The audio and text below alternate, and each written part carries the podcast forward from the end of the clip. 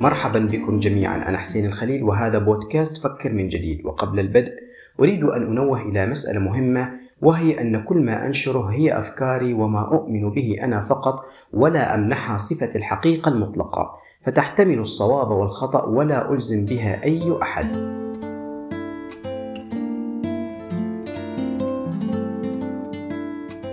هل الدين يؤخذ بتزكية أشخاص معينين لأشخاص معينين؟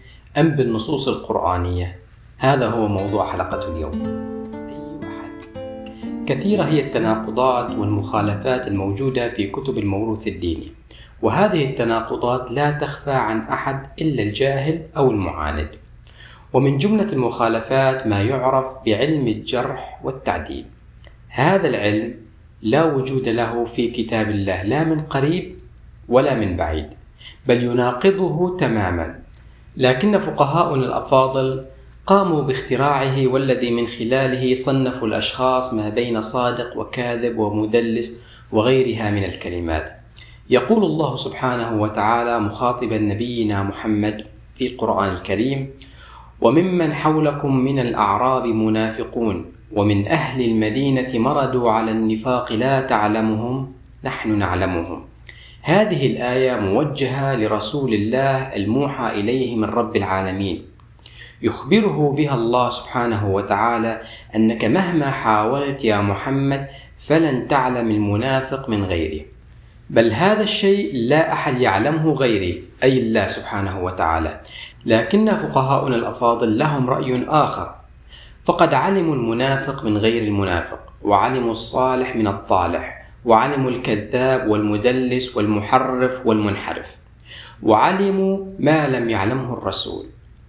هذا العلم أي ما يطلقون عليه اسم علم الجرح والتعديل قائم على تصنيف الأشخاص من خلال شهادات أشخاص آخرين فهو علم ليس له بحوث ولا مناهج علمية فهو يعتمد على شهادات أشخاص تمت تزكيتهم من قبل أشخاص آخرين لكي يطلعوا على نوايا غيرهم بطريقة نسبية وظنية والتي من خلال آرائهم هم فقط والتي تحتمل الخطأ والصواب تم تصنيف الأشخاص كما ذكرت آنفا فهل دين الله يؤخذ بالظن؟ يقول الله سبحانه وتعالى إن يتبعون إلا الظن وإن الظن لا يغني من الحق شيئا هذا علم قائم على السماع فقط. فلان سمع عن فلان أنه من أهل الصلاح. فلان سمع عن فلان أنه كذاب. فلان قال عن فلان أنه ثقة وقد يكون داخليا منافق. عداك على أن الغيبة والنميمة تخالف ما جاء في كتاب الله كما في قوله تعالى ولا يغتب بعضكم بعضا فكيف تخالفون كلام الله وترمون بآياته وراء ظهوركم وتصنعون ما تسمونه بين قوسين علما يخالف كتاب الله في كل مضامينه وجعلتم منه دينا وأن من ينكره يعتبر كافر ومرتد وزنديق وملحد وجب قتله. والانك من هذا يا أصدقائي الكرام هو أن القائمين على هذا العلم بين قوسين العلم يستقصون أخبار وسير الرواة من أشخاص محددين هم من يختاروهم وليس أي أحد. فالسني مثلا لا يقبل برواية يكون أحد رواتها شيعي أو حتى متهم أنه شيعي والعكس صحيح. الشيعي لا يقبل برواية يكون أحد رواتها سني أو حتى أنه متهم بأنه سني. ثم من الذي أعطاهم الحق ومنحهم وكالة وجعلهم نواب عن رب العالمين لتقصي أخبار الناس وتدوين روايات ظنية معتمدين بذلك على شهادات وتزكيات بشر معرضين للخطأ والنسيان ونسب هذه الروايات لله ولرسوله وإلصاقها بالدين وفرضها على المسلمين تحت الأمر الواقع. فقالوا أن الغاية من هذا العلم المصطنع والذي ما أنزل الله به من سلطان هو توثيق روايات رسول الله. لكن المشكلة التي وقعوا بها وهي أنه باعترافهم سيأتي على رأس كل مئة عام من يجدد هذا الدين أي الروايات ويقوم بعمل تحديث له وكأنه نسخة ويندوز وتحتاج إلى تحديثات بين الحين والآخر. فيقوم هذا الشخص والذي يطلقون عليه لقب الإمام المجدد فيضعف الصحيح ويصحح الضعيف.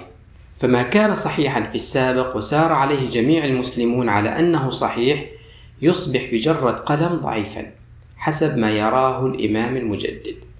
ولنا في الشيخ المجدد أسد السنة كما يلقبونه الشيخ محمد ناصر الدين الألباني. أكبر مثال على ذلك. فقام هذا الإمام الجليل بمراجعة كتب السنة الأربعة سنن أبو داود والترمذي وابن ماجه والنسائي. ومن ثم خرج علينا بعناوين جديدة لهذه الكتب الأربعة بعد أن قام مشكورا بتنقيحها ووضع لنا العناوين التالية. صحيح أبي داود ضعيف أبي داود.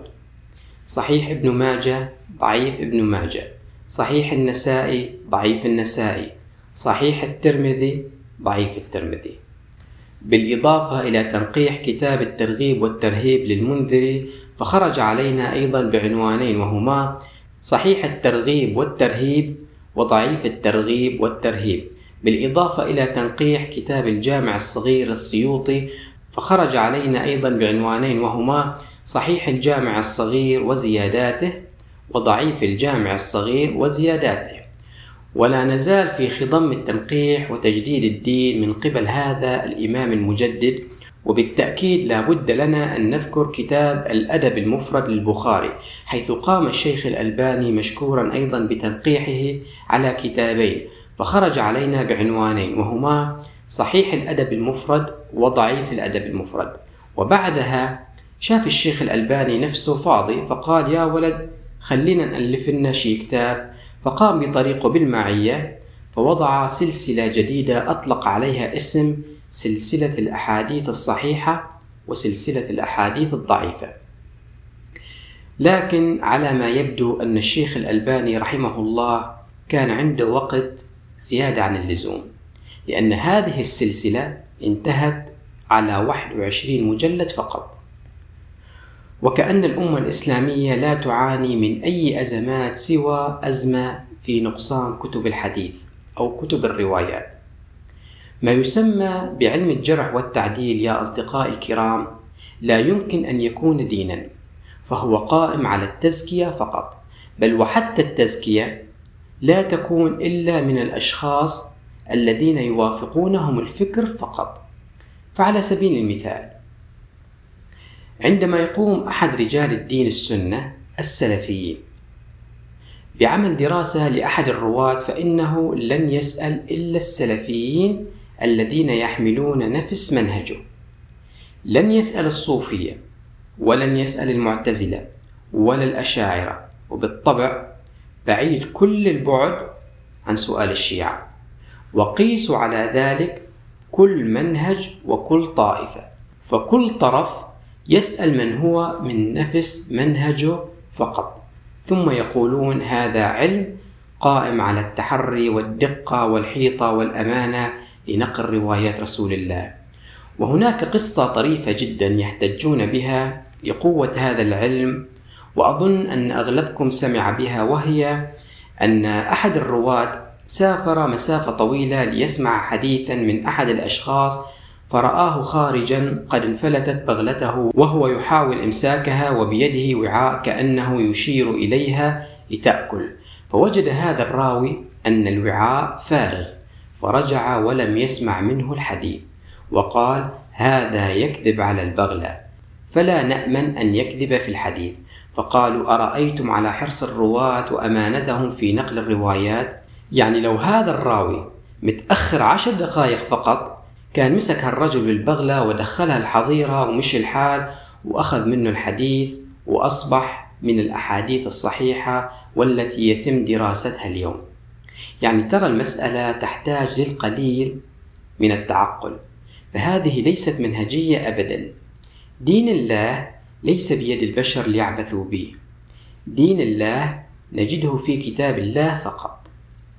فخلاصة الكلام يا أصدقائي الكرام فإن ما يسمى الجرح والتعديل ليس منهجية في القرآن الكريم لأنه قائم على الظن الذي لا يغني من الحق شيئا ودين الله يؤخذ من كتاب الله فقط. هذا هو موضوعنا لهذا اليوم ودمتم بود. والسلام عليكم.